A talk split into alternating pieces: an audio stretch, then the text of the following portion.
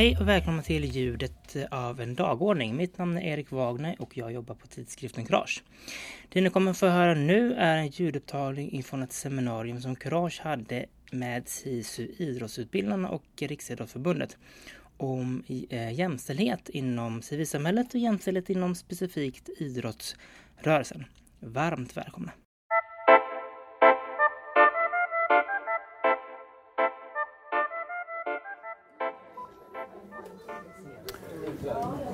Välkomna till eh, forskarfrukost. Jag heter Fredrik Krom och arbetar som avdelningschef på RF-SISU med eh, utbildnings och processstödsfrågor. Eh, forskarfrukost är ett evenemang som vi eh, kör en fyra, fem gånger per år och där vi tittar på aktuell forskning som eh, på ett eller, annat, ett, ett eller annat sätt berör idrotten. En del av er som jag ser i rummet har varit här tidigare och då har vi bland annat behandlat eh, frågor som eh, ideellt engagemang inom civilsamhället och idrottsrörelsen. Vi har tagit upp frågor om ungas involvering. Och den eh, näst senaste forskarfrukosten vi hade handlade ju om eh, idrottens samhällsnytta. Och då ska jag säga att de här rapporterna som vi ofta utgår ifrån han, finns ju då på RFs hemsida under rubriken forskning. Och idag så kommer vi ha temat jämställdhet och med utifrån den lite bombastiska rubriken Jämställdhet en ödesfråga för civilsamhället. För så är det nog, och inte minst för idrottsrörelsen. Om en liten stund så kommer min kollega Jenny Svender komma upp och berätta om den studie som hon är medförfattare till. Men det är inte bara Jenny som kommer att prata utan vi kommer, efter Jenny så kommer också Anna Åberg att prata. Och eh, hon är en av författarna i det här numret som kommer nu snart, Kuragenumret om jämställdhet. Eh, Anna har en lång erfarenhet ifrån civilsamhället, närmast från Hyresgästföreningen. Och eh, kommer ge ett antal exempel på varför och utmaningar att jobba med jämställdhet i civilsamhället. Men nu är över till dig Jenny, varsågod.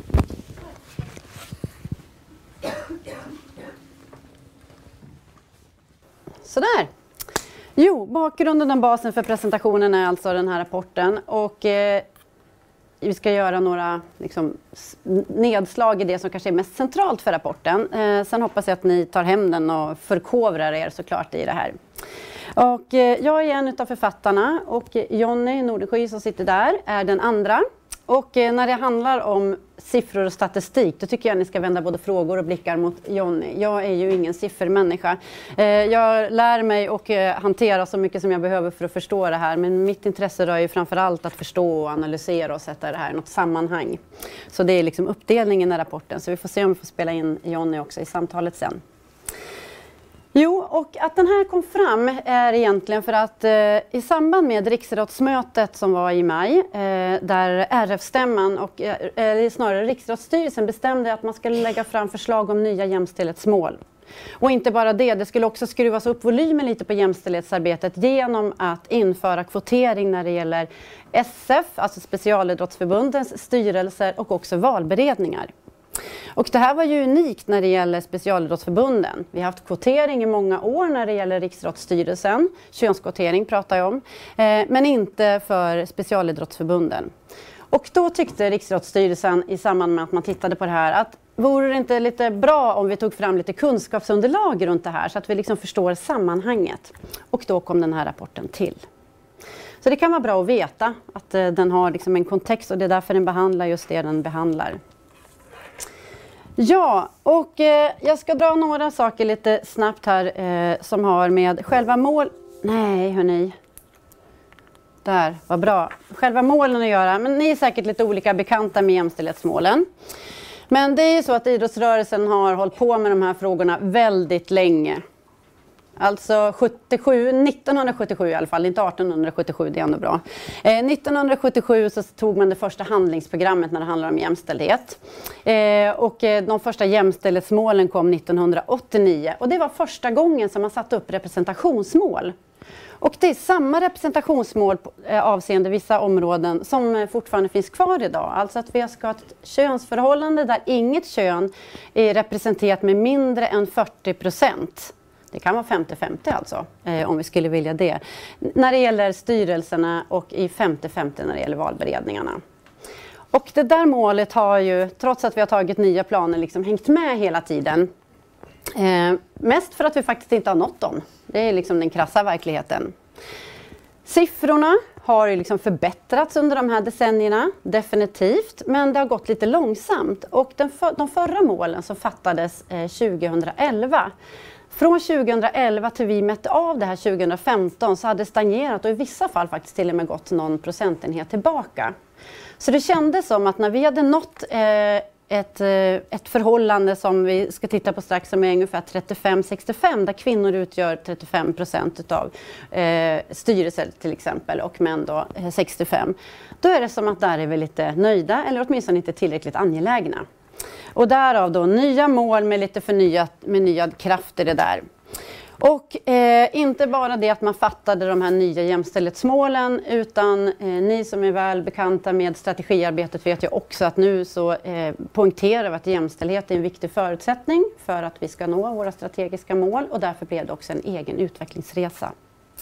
Det här behöver man liksom ha med sig därför att poängen är ju att idrottsrörelsen har ju bestämt sig att vi ska göra de här sakerna. Eh, frågan är egentligen bara hur och eh, i vilken takt och så.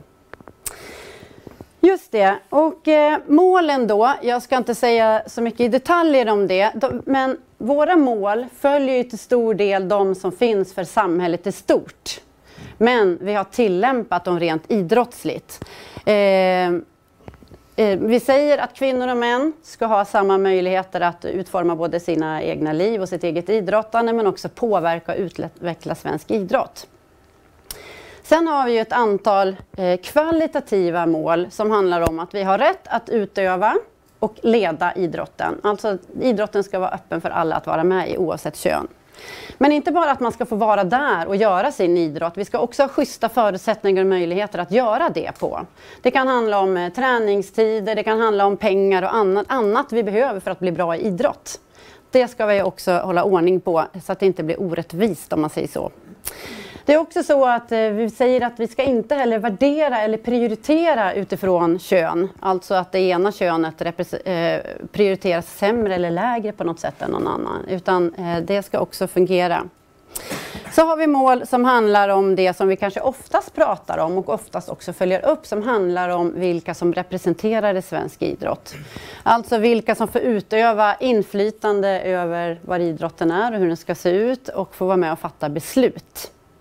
Och här inryms ju också då, eh, idéer om att vi behöver ju se till att det är schyssta förutsättningar för att kunna vara med och påverka. Alltså arbetsformer är benämnda här som ett, en del då.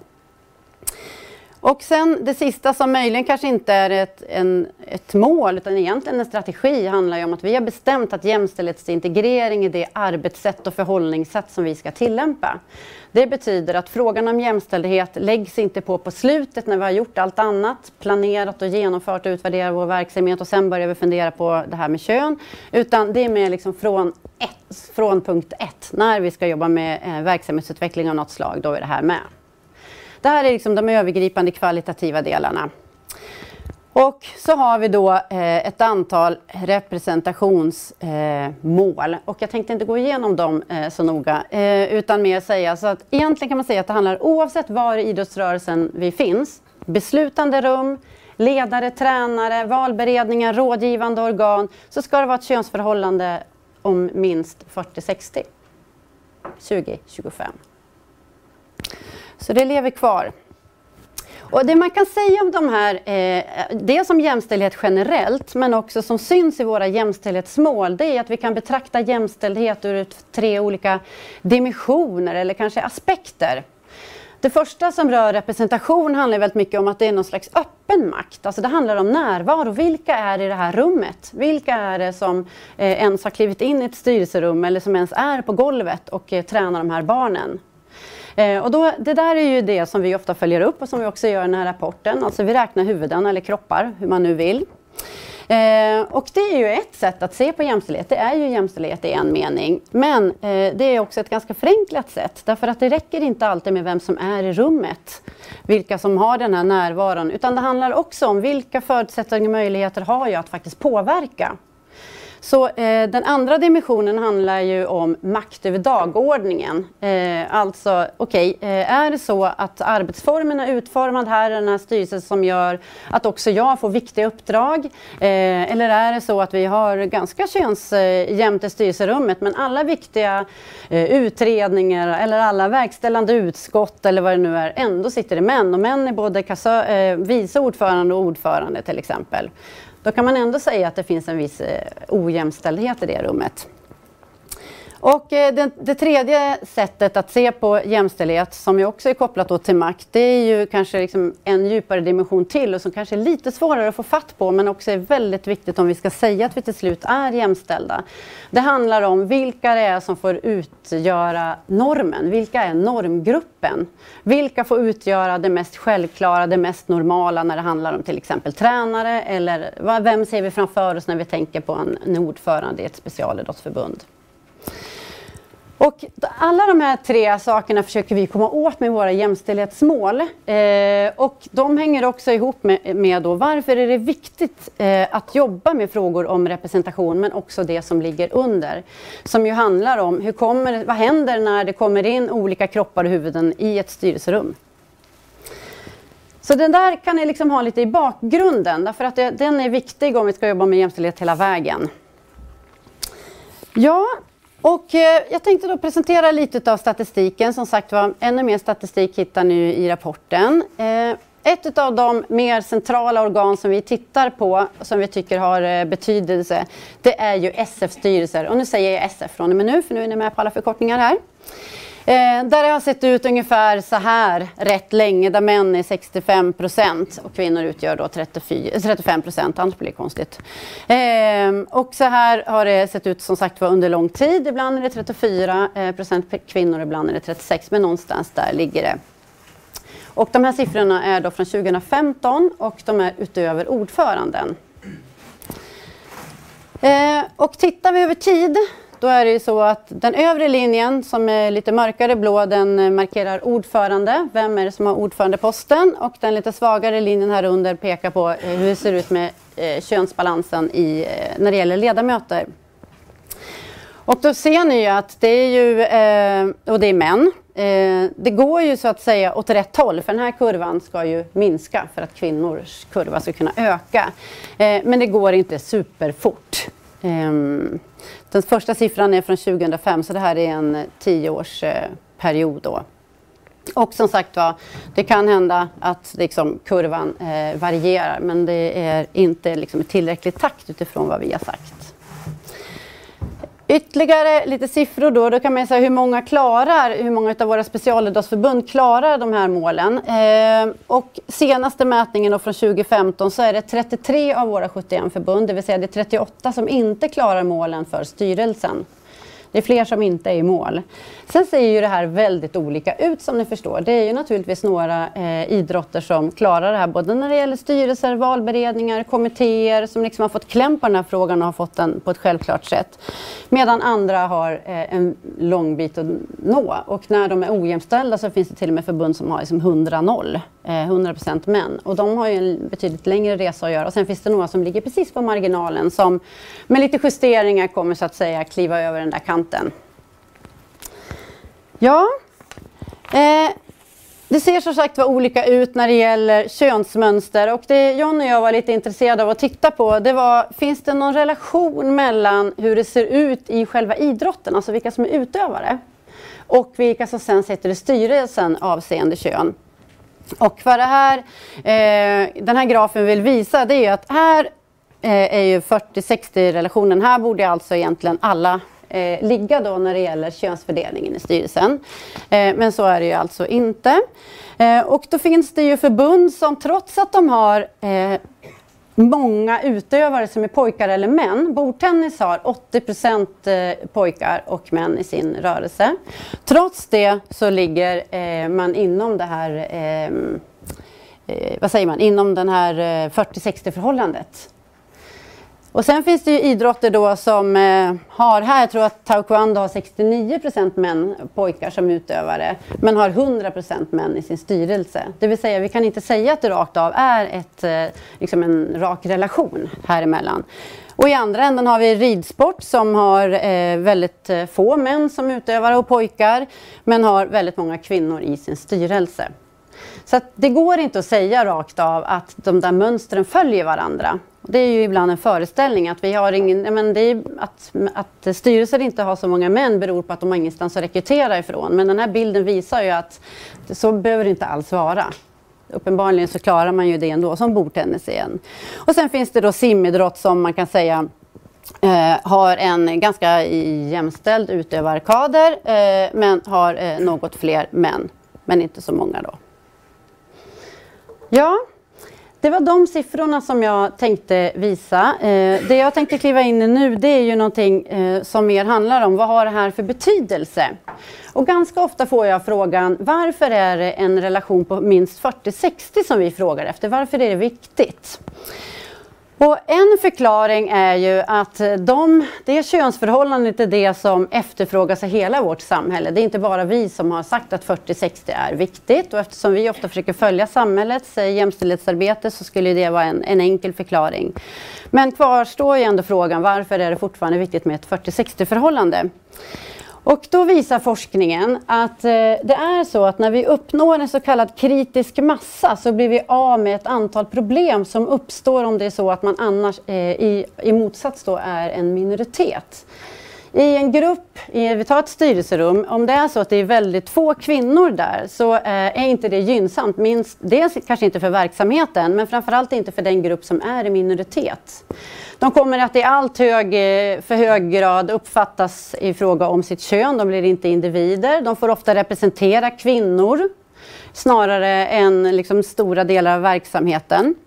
Och om man vänder på det då så kan man ju säga att om vi har en bra eh, könsfördelning så försvinner den här marginaliserande effekten.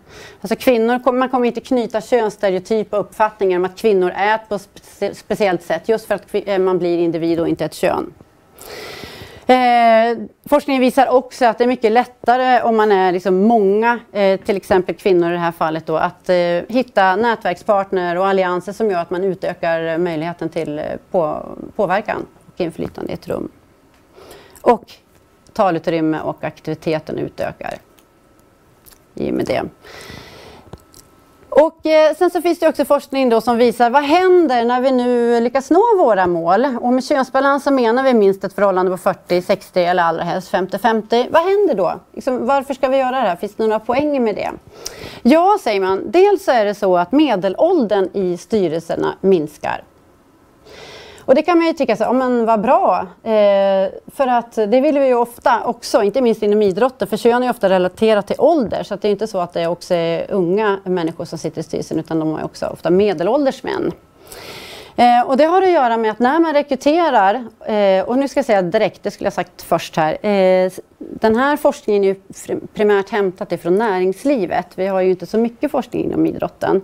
Men vi får väl ändå gissa och anta att vi skulle kunna uppnå ungefär samma effekter. Men det är ju delvis ett antagande då.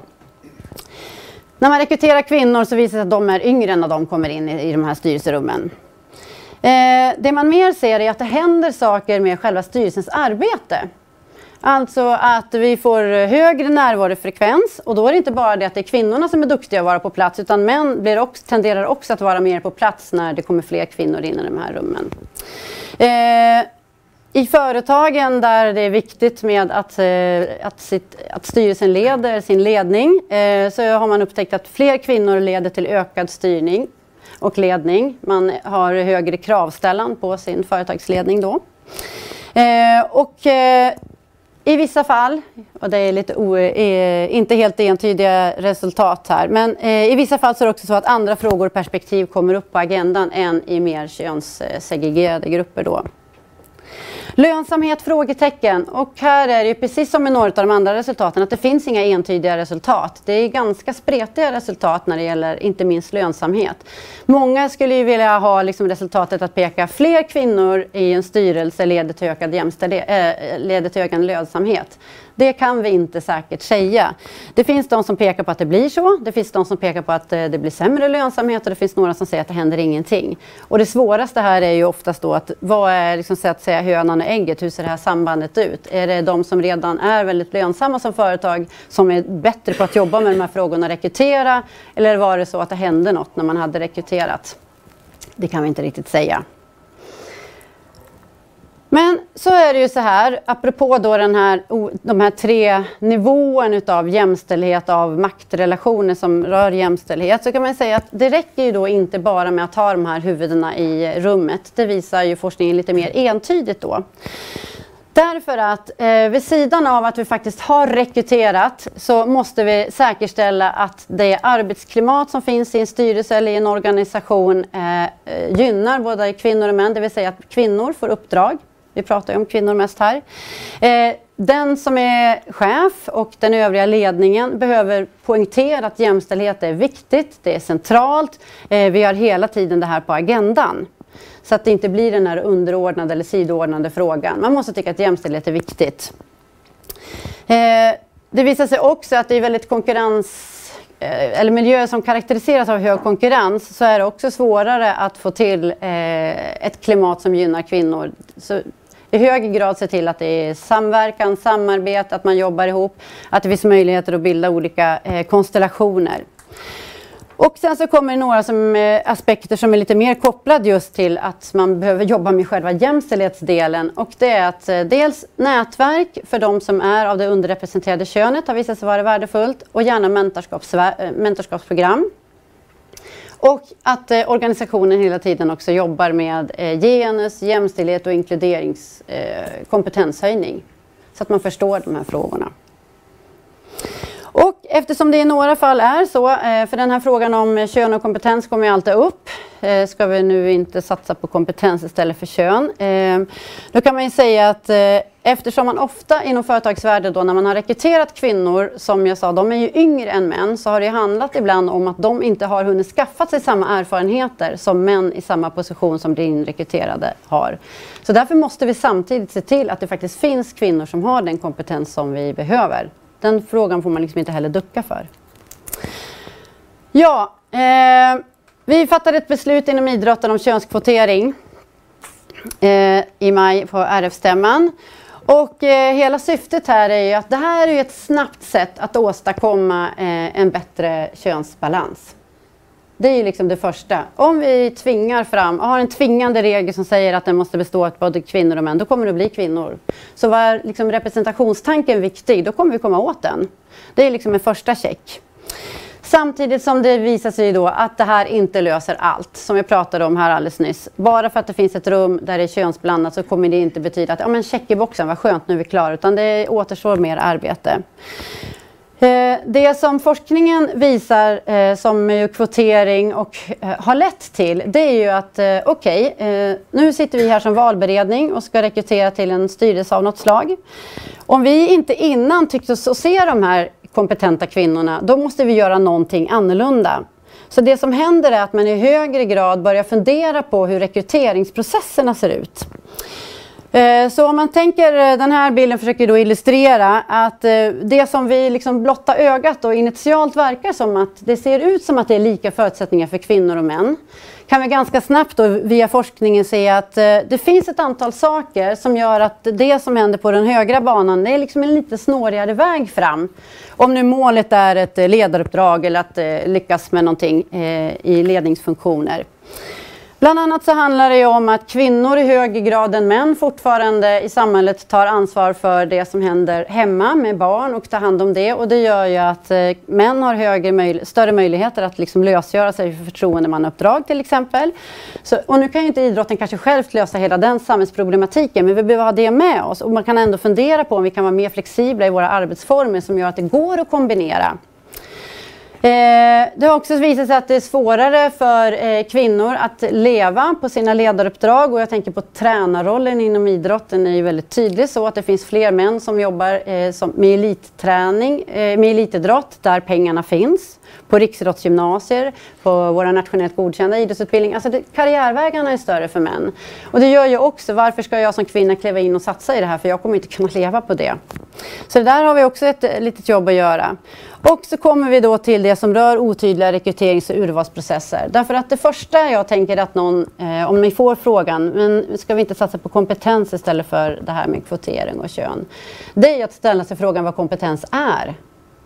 Och jag är inte säker på att alla valberedningar, om vi satte dem i ett varsitt rum här, den här valberedningen på fem personer, skulle säga samma sak när de har funderat över vilka profiler de här personerna som ska väljas in ska ha. Alltså vad menar vi att de här personerna ska kunna? Hur, vad, ska, vad ska de ha med sig i sin bakgrund? Vad ska de ha med sig i formell och informell utbildning och så vidare? Och eh, det, det, man då ser när man inför könskvotering är ju att valberedningarna behöver anstränga sig mer och kanske lite mer systematiskt och transparent tala om vad man söker. Väldigt bra samtal som definitivt kommer utveckla verksamheten. Och sen dessutom det ytterligare ett av de här eh, olika hindren som finns på den där högra banan handlar ju om att eh, inte minst inom idrotten så är normen för vem som är ledare, oavsett ifall det är den omklädda aktivitetsledaren eller om det är ett styrelserum, så är normen att eh, män är liksom den ideala ledaren. De utgör eh, mallen för det. Och eh, det har ju då kvinnor att förhålla sig till, så deras kompetens kommer i högre grad liksom mätas mot den här normen. Och ganska ofta visar ju forskningen, då, och där har vi i alla fall forskning från idrotten, så uppfattar man att det är liksom kvinnor kommer till korta. Fast det egentligen eh, kanske handlar om att vi är väldigt oprecisa kring vad det är man ska kunna. Så det man behöver göra i ett utvecklingsarbete det är ju att försöka undanröja alla de där, hitta de mekanismer som direkt eller indirekt på något sätt hindrar. Eh, både deltagande men också, oj nu var jag snabb här, eh, men också vägen fram till de här ledaruppdragen. Och där tror jag att vi har ganska mycket läxor att, eh, att göra liksom, kring valberedningarna. Och nu berättade Erik från Kurage här precis att eh, det kommer ett, eh, en ny bok snart kring valberedningar och valberedningars arbete. Och den får vi ju till exempel sätta tänderna i. Men också överhuvudtaget att vi får göra liksom lite särskilda satsningar runt det här. Um, och det om något kommer förbättra vår idrott. För jag tror att uh, det som uh, forskningen också visar det är ju att i takt med att man uh, hittar kompetenta kvinnor så höjs också kompetensen på männen. För att vi var ju mer noggranna med vad vi ville ha. Och de som blir utvalda kommer att ha tydligare idéer om vad det är de förväntas bidra med. Och bara en sån sak, att liksom, okej, okay, jag är här därför att jag kan det här. Ja, och allt annat eh, kan ni till exempel läsa här. Och eh, sen så finns det lite referenser här om man tycker att sånt här är jättekul. Eh, och då kan man liksom hitta vidare artiklar. Så kommer jag tillbaka om en liten stund. Just det, tack! Vad gör vi här nu då? Du får uh, lite elegant. Ja, sådär. Eller kanske ska pluppa igenom den först genom tröjan. Ja, du vill inte vara innanför skinnet på mig. Nej. Du är så nära. Tack Jenny. Bara en liten eh, snabb uppföljningsfråga då. Eh, alltså rent principiellt då. Eh, kan man se ett principiellt problem med positiv särbehandling och därmed kvotering? Ja, men jag tänker att en sak som eh, dyker upp som möjligt ska kunna handla om principerna det är ju att en föreställning är att nu blir män diskriminerade. Alltså om vi kvoterar kvinnor så betyder det att då väljs ju några män bort. Och kanske är det till och med så att några kompetenta män väljs bort. Eh, så att det blir orättvist i den meningen. Men då menar ju forskningen att eh, vi har redan liksom en form av diskriminering därför att män väljs redan för att de är män. Så att man får så att säga ta den ena strategin för att slå ut den andra om man säger så. Så, så det är väl liksom en sån... Eh, så eh, det är redan orättvist, så låt oss göra det orättvist för att uppnå rättvisa. Om det makes sense. Mm. Sen. Om en stund. Vi, vi tar Anna också bara. Jag kör bara två uppföljningsfrågor här och så kommer Anna upp och sen så tar vi ett gemensamt samtal.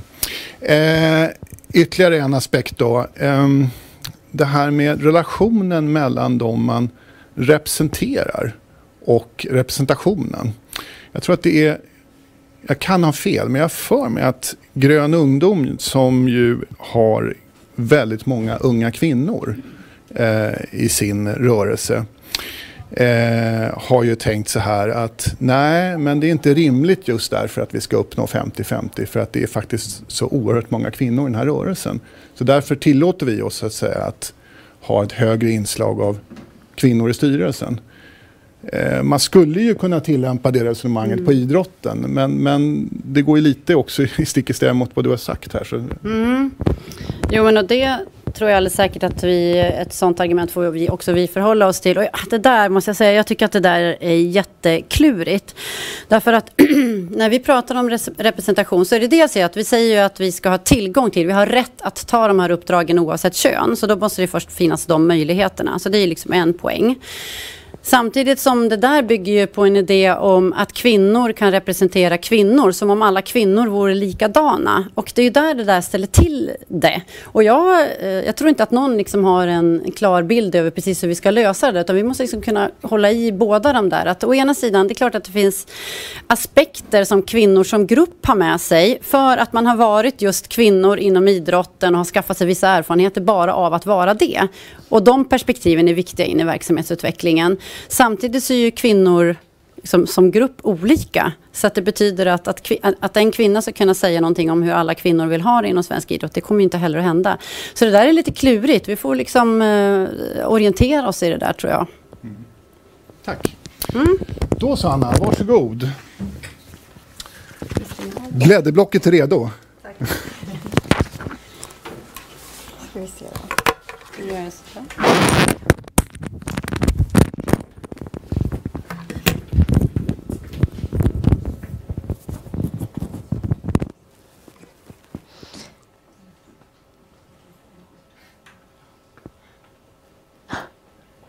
Så, hörs jag? Perfekt. Ja, eh, jag heter som sagt Anna Åberg och jag har blivit eh, ombedd att skriva en artikel i, i nästa nummer av Courage som kommer ut om mina tankar om jämställdhet. Varför jag tycker att det är viktigt att man jobbar med jämställdhet. Eh, och det är ju viktigt i alla delar av samhället men just inom ideell sektor tänker jag fokusera på. Men också vad jag ser för fallgropar i arbetet. För att precis som vi hörde här så är idrottsrörelsen är ju inte ensamma. Man har jobbat i 40 år med att säga att vi vill ha bättre jämställdhet. Och vi kan påvisa med forskningen att det leder till goda effekter. Så varför är det fortfarande ett problem? Och då tänker jag eh, att jag skulle vilja lyfta tre stycken starka skäl till att jobba med jämställdhet. Och det första och kanske viktigaste skälet är rättviseperspektivet. Eh, det är också intimt kopplat med legitimitet och demokrati för mig. Ett annat viktigt skäl är trovärdighet. Och det tredje är kompetens.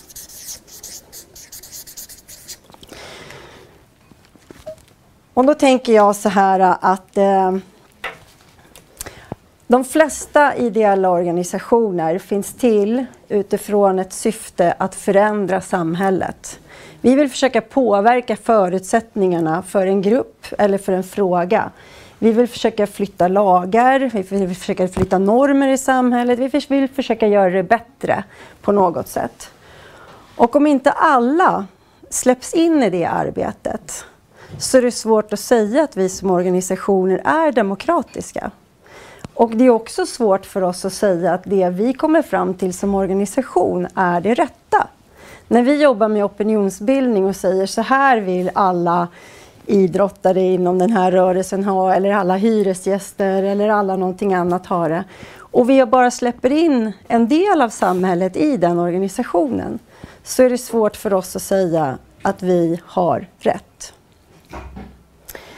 Eh, den andra, och, och, då tänker jag, då vill jag backa tillbaka till en sak som Jenny pratade om, det här med att det räcker inte att bara prata om huvuden. Eh, jag kommer från en ganska jämställd organisation, Hyresgästföreningen, om man tittar till huvuden. Och även faktiskt i, i inflytelserika maktpositioner så är det en ganska jämställd organisation. Men det räcker inte att bara säga att nu ska vi bli fler kvinnor eller fler män för att det ska bli en jämställd styrelse, precis som Jenny pratade om, utan det handlar ju om möjligheten till inflytande. Det handlar om möjligheten till att få göra sin röst hörd och det gäller också att få vara med och fatta beslut. Inte bara att man på, på stämmer eller fullmäktige eller styrelsesammanhang får gå upp i en talarstol, utan att man också är en del av de som beslutar. Så att makt och inflytande är ju det man behöver sträva efter. Sen kan ju en, ett delmål vara att man får in fler kvinnor i en organisation, men man är inte klar bara för att man har 40-60 i relation, utan makt och inf inflytande. Det andra som jag tänker är viktigt för mig, det är ju det här med trovärdighet. Att man kan få känna igen sig i sin organisation. Att man känner att det finns som kvinna, eh, att det finns kvinnor med i beslutande befattningar i organisationen. Eh, men också att man ser att det är öppet för alla att engagera sig. Att man ser att både män och kvinnor har möjlighet att ta, ta en plats i organisationen och få vara med och påverka. Då tror jag att man blir mer trovärdig som organisation. Eh, organisationer som är alltför homogena och det gäller ju oavsett eh, vad det handlar om. Det kan handla om kön, men det kan handla om etnicitet, det kan handla om ålder, det kan handla om eh, perspektiv och så vidare. Gör det ju svårt för andra människor att komma in. Trösklarna blir högre. Och det tredje som jag då har lyft fram i min artikel som skäl är just det här med kompetens. Och där det finns forskning som visar det finns forskning som visar att kompetensen kan sjunka när man eh, lyfter in fler kvinnor i styrelser. Eh, det finns också omnämnt i den här rapporten som Jenny eh, har presenterat. Ofta handlar det om att man då får in yngre kvinnor som inte har samma erfarenhet, precis som Jenny sa. Men det finns också forskning som visar att kompetensen ökar i styrelserna när kvinnor kommer in. Eller i arbetsgrupper eller i ledningsgrupper. Och det beror ju både på då att man får in kvinnor med hög kompetens men också som Jenny var inne på att man förbättrar sina för, eh, processer för att rekrytera och anta personer in i en organisation. Och då höjs kompetensen både hos män och hos kvinnor. Då räcker det inte längre att vara kompis med varandra, att bara rekrytera ur sitt nätverk, utan då får man gå efter andra parametrar. Eh, och då tänker jag så här eh, att eh, då kan vi fundera på, vi stärker vår eh, legitimitet som organisation om vi är mer jämställda. Vi förbättrar våra demokratiska möjligheter om vi är jämställda. Vi blir mer trovärdiga för våra medlemmar eller för våra eh, förtroendevalda, för, våra, för samhället i stort om vi visar att vi är en jämställd organisation. Och vi höjer vår kompetens. Och det har vi egentligen vetat ett tag. Och de flesta organisationer har jobbat länge med att höja jämställdheten. Så vad är då problemet? Varför brottas vi fortfarande med frågan? Det borde ju varit över för länge sedan. Och då har jag lyft fram eh, ett antal fallgropar som jag tycker är viktiga att ha i åtanke när man går in i ett arbete med att jobba med jämställdhet. Egentligen skulle jag säga att de här fallgroparna är de samma oavsett vilket förändringsarbete man vill göra. Skälen bakom är ju kopplade till jämställdhet men de här fallgroparna handlar ju om förändringsarbeten i stort. Och den första delen i det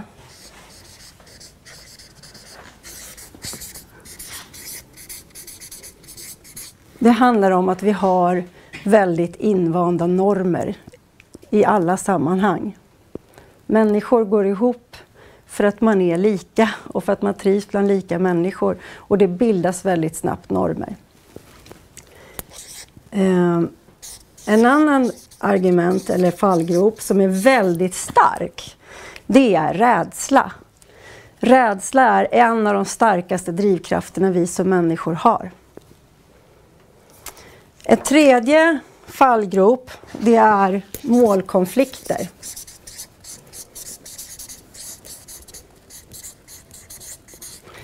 Och jag skulle även vilja säga att jag skriver otillräcklig satsning här. Jag kommer återkomma till det.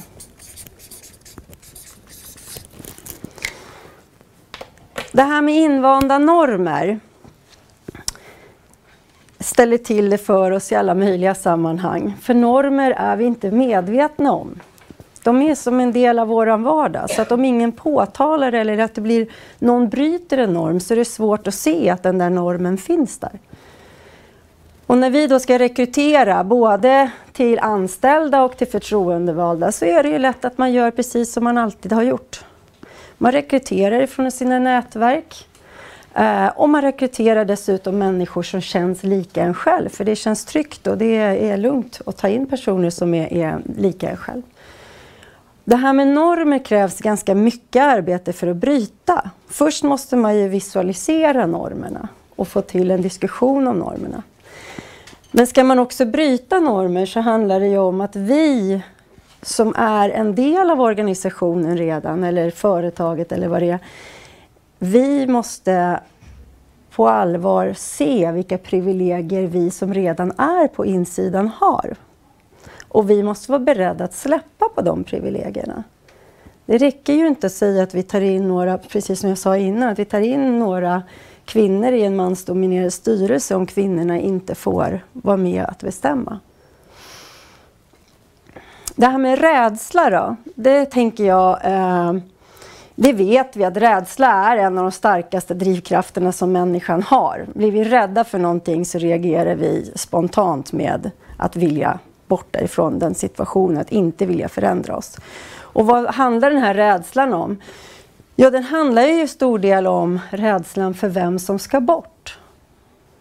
Om vi har en organisation som är könsojämn, där vi har en dominans av män och vi vill ha en förändring, så betyder ju det att några av männen måste bort för att nya kvinnor ska in i organisationen. Och den här rädslan är påtaglig skulle jag säga utifrån eh, de, de förändringsarbeten jag har lett i olika sammanhang. Just det här att ja, men alla vill ju att det ska bli jämställt. Det är viktigt att det kommer in fler kvinnor. Men jag vill inte flytta på mig.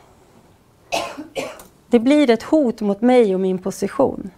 Och det här tycker jag är extra svårt i förtroendevalda organisationer där man väljs utifrån sitt engagemang. Man går in i en rörelse för att man är engagerad, man kan brinna för frågan och sen så säger någon att nu ska du flytta på dig för det ska in en ny person. Den är inte lätt. Den är fullt förståelig den känslan att inte vilja släppa in nya för att jag har ett stort engagemang, jag har en upparbetad kompetens, jag vill vara med i den här organisationen. Och här handlar det ju mycket för organisationerna då att försöka hitta alternativa sätt att ta vara på den kompetens och de personer som man har i organisationen samtidigt som man lyckas få in nya personer på inflytelserika positioner. Eh, det tredje jag lyfte här handlar om målkonflikter och det tror jag också är viktigt att ha i åtanke att när man sätter upp mål så är det oftast bra att ha så få mål som möjligt. Ju färre mål man har desto tydligare blir det i organisationen vilken riktning man ska jobba eh, mot. Eh, har man många mål så blir det lite ostrukturerat. Och om man då vill sätta upp mål att öka jämställdheten så hamnar det i konkurrens med mål som är väldigt verksamhetsnära. Man kan som organisation tycka att det är viktigt att vi får in fler kvinnor i organisationen. Det ska vi absolut jobba med. Men 2018 är det, ett, eh, är det politiska val. Vi kan ju inte sätta det före att vara ute och träffa de politiska partierna. Vi måste ju påverka deras valmanifest innan de är skrivna och klara. Det måste vara vår huvudfråga. Och det är också min erfarenhet att de här långsiktiga målen som handlar om att förflytta en organisations inre är mycket svårare att jobba med än kortsiktiga verksamhetsmål. För det är också skönt att uppnå mål. Så att det, och det känns ju viktigt att jobba med de här frågorna som är kopplade till grunduppdraget. Och då blir det lätt så att de här långsiktiga målen får stryka på foten. Det är svårare att motivera organisationen att jobba med det för man ser inte lika snabba effekter. Eh, och man kan tycka också, vilket jag har mött mycket, det är ju så här, vart ska man ha sitt fokus som organisation? Ska vi jobba med vårt inre eller ska vi jobba med vårt yttre? Och det är klart att man vill vara en organisation som påverkar samhället. Det är därför vi finns till. Så då är det det här yttre är ju det som hela tiden trycker på. Det är svårare att lägga tid och energi på att förändra det inre. Sen skrev jag också upp det här med otillräcklig satsning. Eh, och där tänker jag att i allt för många fall lägger vi ner massor av tid på att definiera nuläge, ta reda på hur det ser ut, fundera över strategier, skriva tydliga mål, ta fram en tydlig handlingsplan eller jämställdhetsplan eller vad det nu är. Och sen andas vi ut. För nu har vi ju gjort jobbet. Att strategin, arbetet med planering och strategin blir det som är det stora. Så att när man väl är klar med det, så ett, orkar man inte mer? Eller två, känner man sig färdig? För nu har vi ju redan pratat om det här i två års tid. Nu är vi ju klara. Rör du på dig nu så att jag ska avsluta. eh, innan jag, jag avslutar så skulle jag eh, vilja säga lite, prata bara kort om så här, vad gör man då? Och då tänker jag att eh, ni inom idrottsrörelsen har ju nu satt upp 50-50 valberedningarna för att man ser att valberedningarna är viktiga. Har vi jämställda valberedningar så ger det också resultat i form av mer jämställda kandidater till styrelser. Och det tycker jag är, är, är rätt tänkt. Valberedningarna har en väldigt viktig roll att försöka påverka och förändra. Men gör inte misstaget att förlita er på att valberedningarna ska lösa problemet. För valberedningar kan jobba med att ta fram bra kandidater till en styrelse. Men om, om kulturen i organisationen fortfarande inte är att släppa in de som är nya, att man inte har förstått vikten av jämställdhet i praktiken, att man inte förstår varför vi ska jobba med det här och tycker att det är viktigt, då kommer det bara bli ett spel för gallerierna. Och då är det också så att de kvinnor som kommer in ganska snabbt lämnar styrelserna. Utan parallellt med valberedningarna så måste man jobba väldigt mycket med kulturen i organisationen. Tack!